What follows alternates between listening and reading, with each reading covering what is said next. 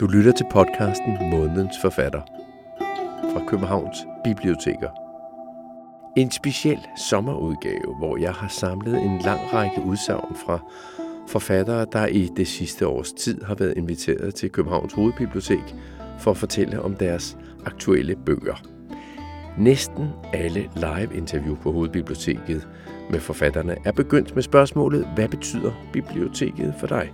Og svarene har jeg så samlet til denne her specialudgave, hvor du kommer til at høre en lang række aktuelle danske forfattere. For eksempel Morten Pape, Iben Mondrup, Tine Hø, og også her Helle Helle, der er opvokset på Lolland og som kom på biblioteket i Rødby sammen med sin mor.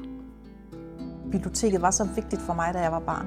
Vi havde en rigtig god bibliotekar nede i Rødby, der hed Jane, og hun, øh, hun vidste lige, hvad min mor kunne lide at læse, og jeg begyndte meget tidligt at læse voksenromaner, så det var sådan. Men så skete det faktisk også nogle gange, at min mor havde sagt til mig, at du skulle tage og læse. Du blev træl. Det var sådan noget med nogen, der havde det hårdt. Og så gik jeg op og, og spurgte efter den, og så sagde hun, øh, at det er ikke til dig selv. Og så sagde jeg, nej, det er til min mor. Men så læste jeg den. Jamen, jeg var meget på biblioteket, men det var også fordi, jeg ikke var særlig god til... Jeg gik selvfølgelig til en masse sport, men jeg var, jeg var mere sådan en, der gik op på biblioteket. Helle Helles oplevelser af biblioteket. Det bliver altså ikke kun en lovprisning, bare rolig, selvom den her podcast jo er lavet af Københavns Biblioteker, men det bliver nok mere et billede af, hvor forskelligt man kan bruge bibliotekerne. Velkommen til, hvad jeg har tilladt mig at kalde brækker til et billede af biblioteket. En juliudgave i 2022 af podcasten Månedens Forfatter. Mit navn er Claus Vitus. Vi begyndte med forfatteren Helle Helle, der i foråret 2021 var gæst i månedens forfatter i forbindelse med udgivelsen af romanen Bob. Du kan høre hele interviewet med hende i den podcast, som du kan finde på Københavns Biblioteks hjemmeside. Og hjemmesiden hedder noget så vanskeligt som bibliotek.kk. Det står for Københavns Kommune, kk.dk, altså bibliotek www.kk.dk og den skal jeg i øvrigt nok gentage senere i den her podcast. Næste forfatter, der vil dele sin biblioteksoplevelse, er forfatteren Iben Mondrup, som blandt andet har skrevet bøgerne Tabita og senest i 2022 bogen Vitu. Begge bøger i øvrigt med baggrund i hendes grønlandske opvækst. Jeg er vokset op i Nordgrønland i øh, en lille by, mm. som hedder Qaratsuaq, eller dengang hed den Godhavn. Og øh, der havde vi på skolen et skolebibliotek. Vi havde ikke noget øh, bibliotek i byen som sådan. Det var simpelthen skolebiblioteket. Og det der var med de her biblioteker, det var sådan et sted, hvor børn kunne søge hen og hvor børn kunne, øh, hvis man ikke ligesom mm, fungerede i flokken, eller hvis man var lidt sådan sart, så kunne man putte sig der og, øh, og fordybe sig i, i den verden, som er bøgernes verden. Og det, som jeg kan høre på mine grønlandske venner, som også er vokset op i de her byer med skolebiblioteker, det er, at for rigtig mange af dems vedkommende, så er bibliotekerne blevet vejen ud i verden. Altså det, I ved jo godt, når man åbner en bog, så åbner man en hel verden. Så det er også fra Grønland, som jo ligger ufattelig langt væk fra, øh, fra resten af verden. Jeg skal sige, at i 70'erne, der havde vi altså en fornemmelse af, at det, altså, verden var, det var et andet sted. Vi var verden, og alt det andet udenom, det var sådan noget stort og udflydende diffust, som man kunne få adgang til, når man åbnede en bog.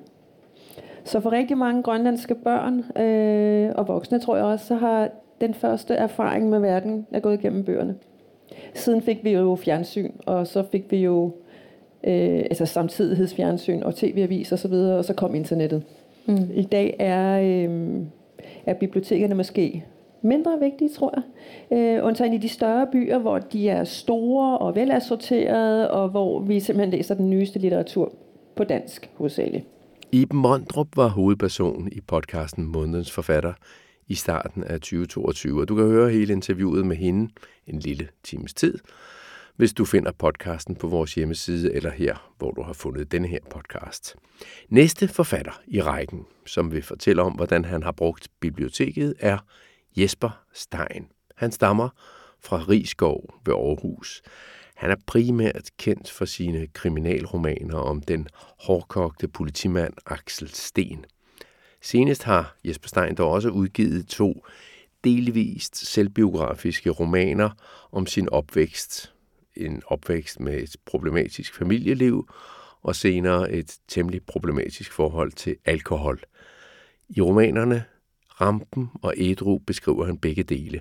Men her skal du høre hans svar på spørgsmålet, hvad har biblioteker betydet for dig? Jamen, dem har jeg været på en del af de sidste 10 år.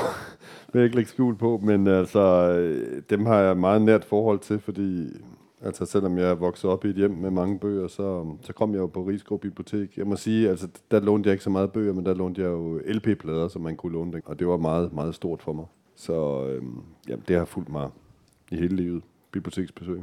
Og jeg har skrevet øh, i de sidste 10 år også øh, herinde og på, på forskellige andre biblioteker rundt omkring i København, inden jeg fik et kontor.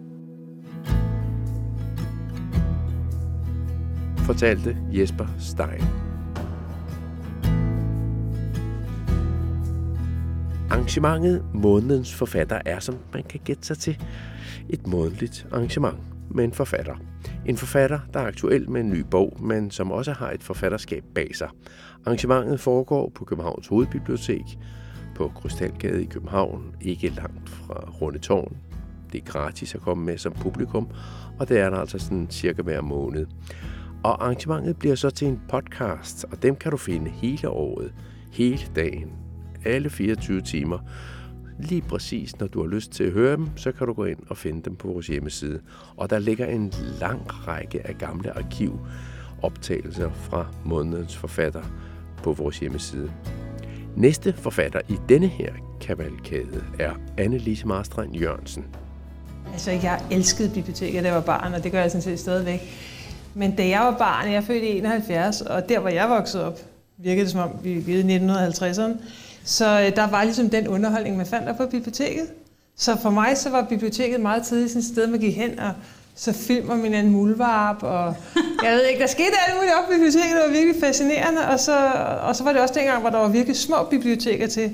Vi passede hos min mormor, og jeg gik i børnehave, og vi tilbragte også virkelig meget tid på biblioteket. Det var fabelagtigt. Og så kan man sige, at min bibliotekskarriere kulminerede måske med, at jeg stjal en bog engang, da jeg var 14 eller 15 år. Og det var sådan en åbenbaringsbog. Jeg, øh, selvom at jeg altså, har en familie, der kom meget på biblioteket, så var det ikke en familie, hvor man læste digte. Det gjorde man simpelthen ikke. Det var næsten at sammenligne med pornografi af en art. Så derfor så skete der jo det, da jeg var 14 eller 15, at jeg pludselig stod på det lokale bibliotek, og ned i hånden på mig, sådan husker jeg næsten faldt Ole Sarvis i huset. Og det var mindblowing. Altså det var simpelthen en verden, der åbnede sig af noget, som var så vildt, og hvor jeg følte mig så genkendt, hvilket er ret sjovt, for der var lidt aldersforskel for mig og Ole Sarvi, for jeg synes, jeg følte, at det var mig, han skrev til, og jeg var med der, og så stjal jeg bogen. Er det rigtigt? Ja, det gør jeg. Det har, altså, det har du den stadig? Nej, det ved jeg ikke. Jeg kiggede, det tror jeg ikke. Jeg har fået samlet side, men jeg stjal. Det er faktisk det eneste, jeg har stjålet i mit liv. Ja. Ja, det er så ikke, det er ikke noget så at prale med her på biblioteket. Vel? Altså, du, du tog den med ud uden at låne den, ja. eller du glemte bare at aflevere den? Jeg tog den med ud af låne. Og jeg ved ikke, hvorfor den ikke bippede. Det må have været. Så nu betaler jeg af ved at skrive nogle bøger. Nej. Ja. Ej, jeg vil sige, det, det er harmløst teenage-oprør, vil jeg sige. Ja, det kan man sige. Det kan man sige. Men det var ikke godt at stjæle. Men det var i hvert fald en bog, der kom til at få meget betydning for mig. Så. Ja. Sådan fortalte Anne-Lise Marstrand Jørgensen. Og hvis du vil låne ja, hendes bøger, så kan du finde dem på biblioteket. Men du kan også låne denne her gamle 1944 udgave af Ole Sarvis Jeghuset. Den står altså på hylderne på Hovedbiblioteket. Også i den, både den gamle og i en nyere udgave. Selvom Annelise Marstrand Jørgensen måske huggede den i hende tider. Og man kan jo også låne sådan en bog som elektronisk bog. Altså det vil sige få den på sin computer og sidde og læse den derhjemme, så man behøver dårligt nok at gå ned på biblioteket. Men hvis man nu går herned, så er der altså mulighed for at finde et arrangement eller to eller tre, som man kan være med til og overvære som publikum. For eksempel månedens forfatter. Nå, men nu lyder det jo som om, at alle de forfattere, som bliver spurgt om biblioteket, har et passioneret forhold til biblioteket, men det passer så ikke på den næste. Det er Morten Pape, aktuel i efteråret 2021 med sin tredje bog i en trilogi om Amager. Den bog hed I ruiner. Og han fik stillet spørgsmålet, hvad betyder biblioteket for dig? Og her er hans svar. Jamen, det er jo her, hvor rigtig mange forfattere vil fyre en klassisk fortælling af, om at øh, bibliotekerne var ligesom deres eneste øh, safe space som børn, og der var de hele tiden, og de nærmest havde deres andet hjem der. Sådan har jeg ikke haft det. Øh, jeg kan godt huske, at jeg var glad for at gå på biblioteket, da jeg var sådan i de yngre klasser. Øhm, og jeg lånte også nogle biblioteksbøger på, på nogle, lidt nogle andre hylder end, end mine jævnaldrende. Øhm, og var meget, meget glad for at læse, men, men det blev også ret hurtigt øh, udfaset, fordi det ikke var så, så sejt at være god til det, jeg var god til, da jeg var barn. Så, så, så på den måde så blev øh, biblioteket, skolebiblioteket primært nok lidt, lidt et symbol på det, jeg skulle holde mig langt væk fra, hvis jeg skulle have nogen som helst chance for at overleve rent socialt og hierarkisk. Så, øh, så det spiller ikke rigtig nogen stor rolle. Sådan fortalte Morten Pape, da han var på besøg på hovedbiblioteket. Han var ikke helt glad for at skulle afsløre det, når han nu sad der på hovedbiblioteket og var blevet inviteret. Nå, men der kan altså være stor forskel på, hvordan biblioteket opleves. For eksempel husker forfatteren Tine Hø den store oplevelse af biblioteket som et arrangement med digtere. Digtere, som optrådte med deres digte, som en slags mellemting mellem rap og oplæsning, det som blev kaldt poetry slam, og som slog igennem især i slutningen af 90'erne og op igennem nullerne. Det var for hende den store oplevelse på hendes barndoms ungdomsbibliotek. Min mor er bibliotekar og øh, har arbejdet i mange år på Albertslund Bibliotek, så jeg har været rigtig meget på bibliotek i min barndom også, og ja, besøgt det på alle mulige måder. Og det var faktisk også på et bibliotek, at jeg sådan, som ret ung var til sådan noget poetry slam, hvor jeg... Ja, det var ordet. Ja, det var ja. nemlig, og det var meget stort dengang, og der var, jeg, var sådan, jeg var faktisk stadig et barn, vil jeg sige, et stort barn, øhm, som ligesom var med til et arrangement der med min mor på biblioteket. Og hvor det der med at stille sig op med ordene på den måde, også blev sådan, ja, noget jeg virkelig kunne mærke i kroppen, og noget, der gav mig endnu mere lyst til at, at skrive, som jeg egentlig altid har gjort. Men ja, så, øh, ja, og når jeg er ude at rejse, er jeg også altid inde på biblioteker i de byer, jeg besøger. Sådan. Jeg kan godt lide det. Der er et eller andet særligt over det. Du lytter til en særudgave, en sommerversion af månedens forfatter, hvor jeg har sat en masse forskellige forfatteres oplevelser af biblioteker sammen til en kavalkade. I sommermåneden er der nemlig ikke de normale publikumsarrangementer med en forfatter, de arrangementer, som ellers normalt danner baggrund for podcasten Månedens Forfatter. Så derfor er denne sommerudgave altså en kavalkade over det sidste års tids besøg her på Københavns Hovedbibliotek. Men bare rolig, arrangementerne kommer tilbage efter sommerferien. Du kan også godt lytte til de gamle udgaver af podcasten. Find dem på hjemmesiden bibliotek.kk.dk og så skal man så kigge under det faneblad, hvor der står lyd der er en oversigt over alle podcastene. Jeg slutter kavalkaden af med en næsten 10 minutter lang, rablende, men sjov og også meget eftertænksom hyldesttale til bibliotekerne. En hyldesttale lavet af forfatteren Knud Romer, som han Ja, ikke helt uforberedt, men den var i hvert fald ikke nedskrevet. Sådan begyndte han sit besøg på Hovedbiblioteket, da han blev inviteret for at fortælle om sin seneste roman, Pigen i violinen. Jeg voksede jo op med en tysk mor og en dansk far, ikke? hvilket gjorde, at jeg ligesom fik verden foræret to gange. To gange, det er derfor, jeg skal lære jiddisch, eller fransk, eller russisk, eller noget. Ikke? Hver gang man lærer et sprog, så får du virkeligheden foræret mm. en gang til en ny version. Ikke? Og, og det der jo så var, det var jo, at der var nede hos min mormor, der var de her bogskabe øh, med cicileret glas, som var resten af bogskabene fra Papa Schneiders store bibliotek nede i godset i Østtyskland, som var kommet til Vesten. Og der bagved, der stod alle de her vidunderlige bøger, ikke? og jeg kedede mig jo ihjel. Ikke? Jeg sad jo der som ene barn med mormor, ikke? og bronzeuret altså ligesom malet tiden til støv, og jeg gik rundt med butterfly og vandkæmmet hår og jakkesæt og våbenskjold, og jeg var ved at dø af kedsomhed. Ikke? Og jeg tænkte, derinde, der står de, ikke? Og det gjorde de jo også. Ikke? Det var de tyske romantikere. Ikke? Og når jeg kom hjem til, til Falster, ikke, så var der Centralbiblioteket, som lå i sådan en gammel overlæges fine hvide hus på, på Rosenørns Allé, og der var ikke roser. Men jeg synes, der duftede af roser. Ikke? Og når jeg gik derind, så kom jeg hjem. Ikke? Altså, der var alle mine stille venner. Ikke? Altså, der var børnebiblioteket, ikke? hvor man jo læste sig igennem Vicky Viking og, og alt, hvad der var. Ikke? Indtil jo selvfølgelig, man, man kommer hen til C.S. Lewis mm. og Narnia. Og så går man igennem klædeskabet, som jo er bøgerne. Og så kommer du aldrig tilbage.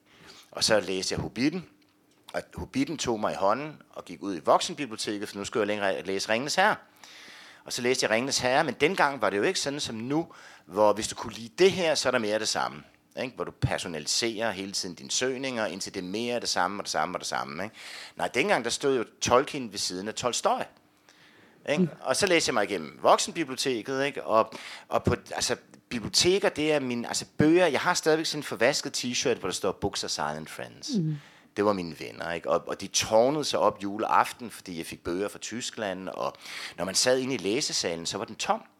Men det var, fordi folk var nede i bøgerne.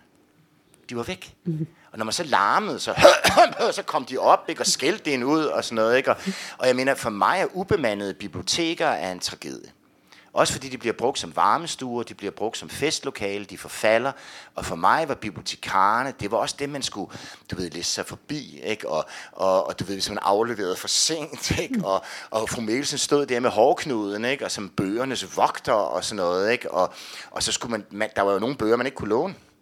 Ikke? Sengekant 1, 2, 3 og soja og, og sådan noget. Og det var dem, jeg læste på VC'et, og det var der, hvor jeg så havde de låst biblioteket, så, så havde jeg det hele for mig selv. Ikke? Altså, og jeg kan huske, at på et tidspunkt gav min mor mig en bog med grønne sider fra Kletkota Forlag, Insel Forlag dernede, som hed Das Fenster zu anderen Welt, vinduet til en anden verden. Mm.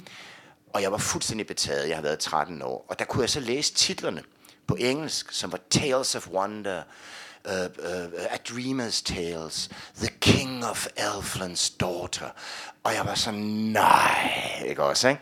Men de var jo umulige at få fat på. Og det var faktisk der, hvor jeg begyndte at skrive, var for at skrive de bøger, der passede til de titler. Det er derfor, titler er så vigtige. De skal være fortryllende og magiske. Og jeg kunne ikke få fat på dem, så måtte jeg jo skrive dem selv. Mm. Men min søde bibliotekar, hun skaffede dem fra forskningsbiblioteket. Mm. Og så kom de ned til, til Nykøbing, og så læste jeg Lord Dunsany. Og så overvejede jeg jo, jeg ville jo, det var jo ligesom at rive hjertet ud og give dem tilbage. Så jeg overvejede at sige, at jeg havde, jeg havde glemt dem i bussen, jeg havde tabt dem. Og så bare betale dem, eller få mit far til at betale dem, og så bare glemme det. Og så tænker jeg, nej Knud, om 100 år sidder der en dreng et eller andet sted i provinsen, som falder over Lord Dunsany.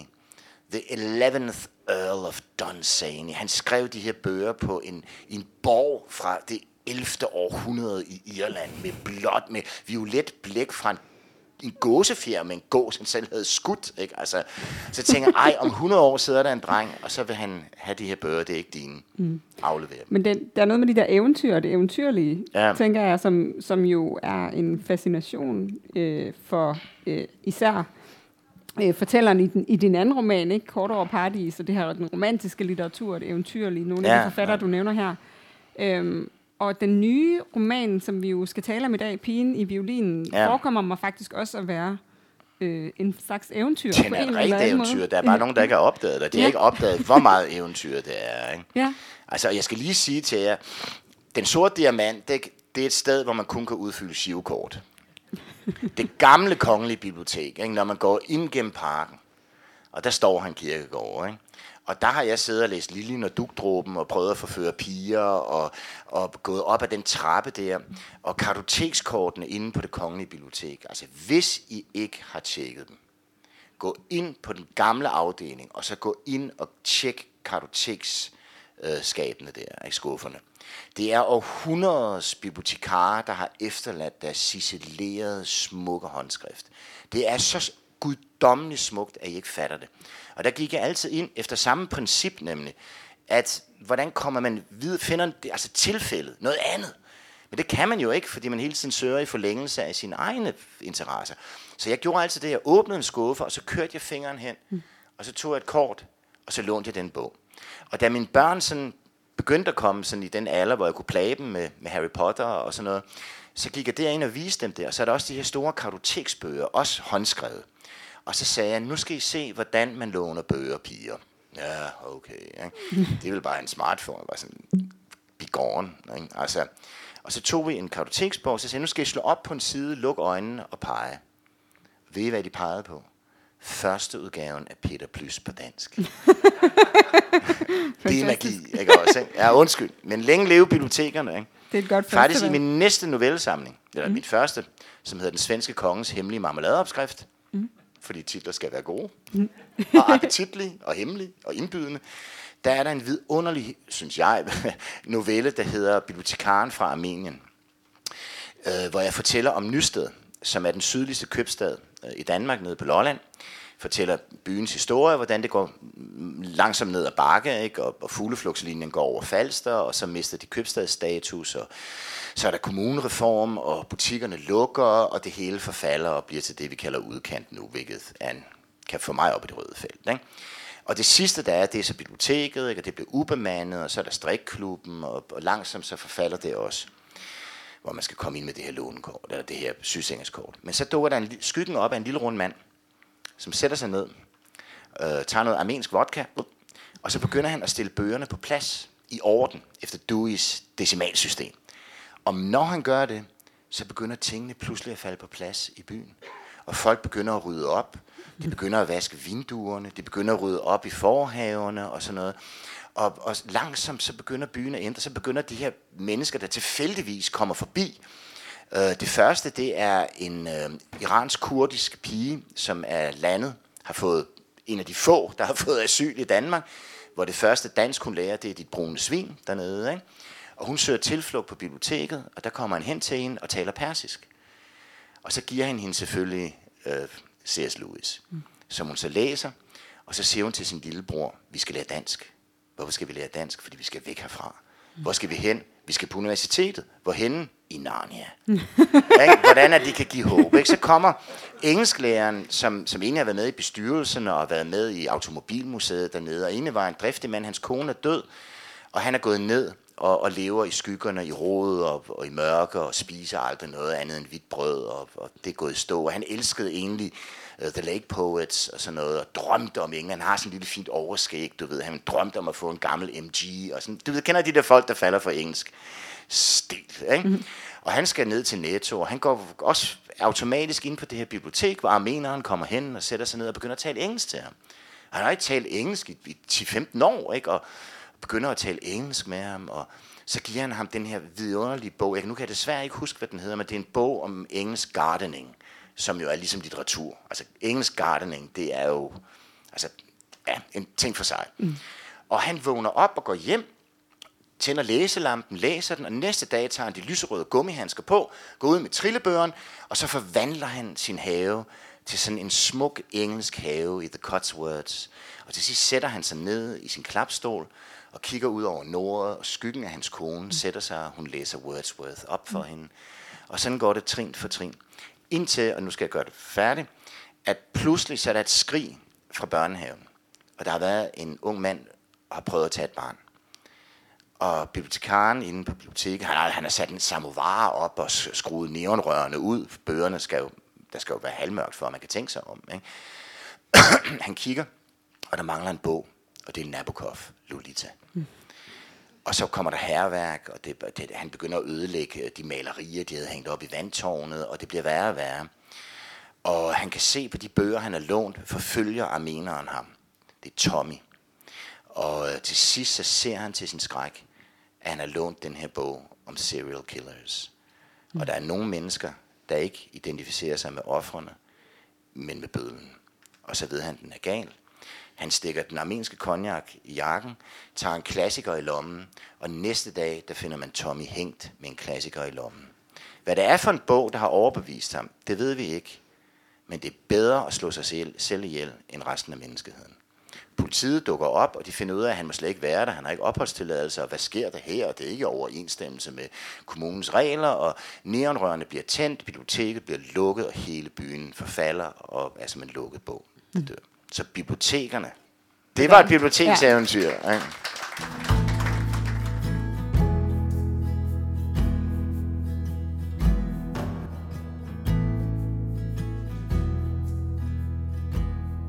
Mange tak til Knud Romer for ordene, det vil jeg sige, som biblioteksansat på Københavns Biblioteker.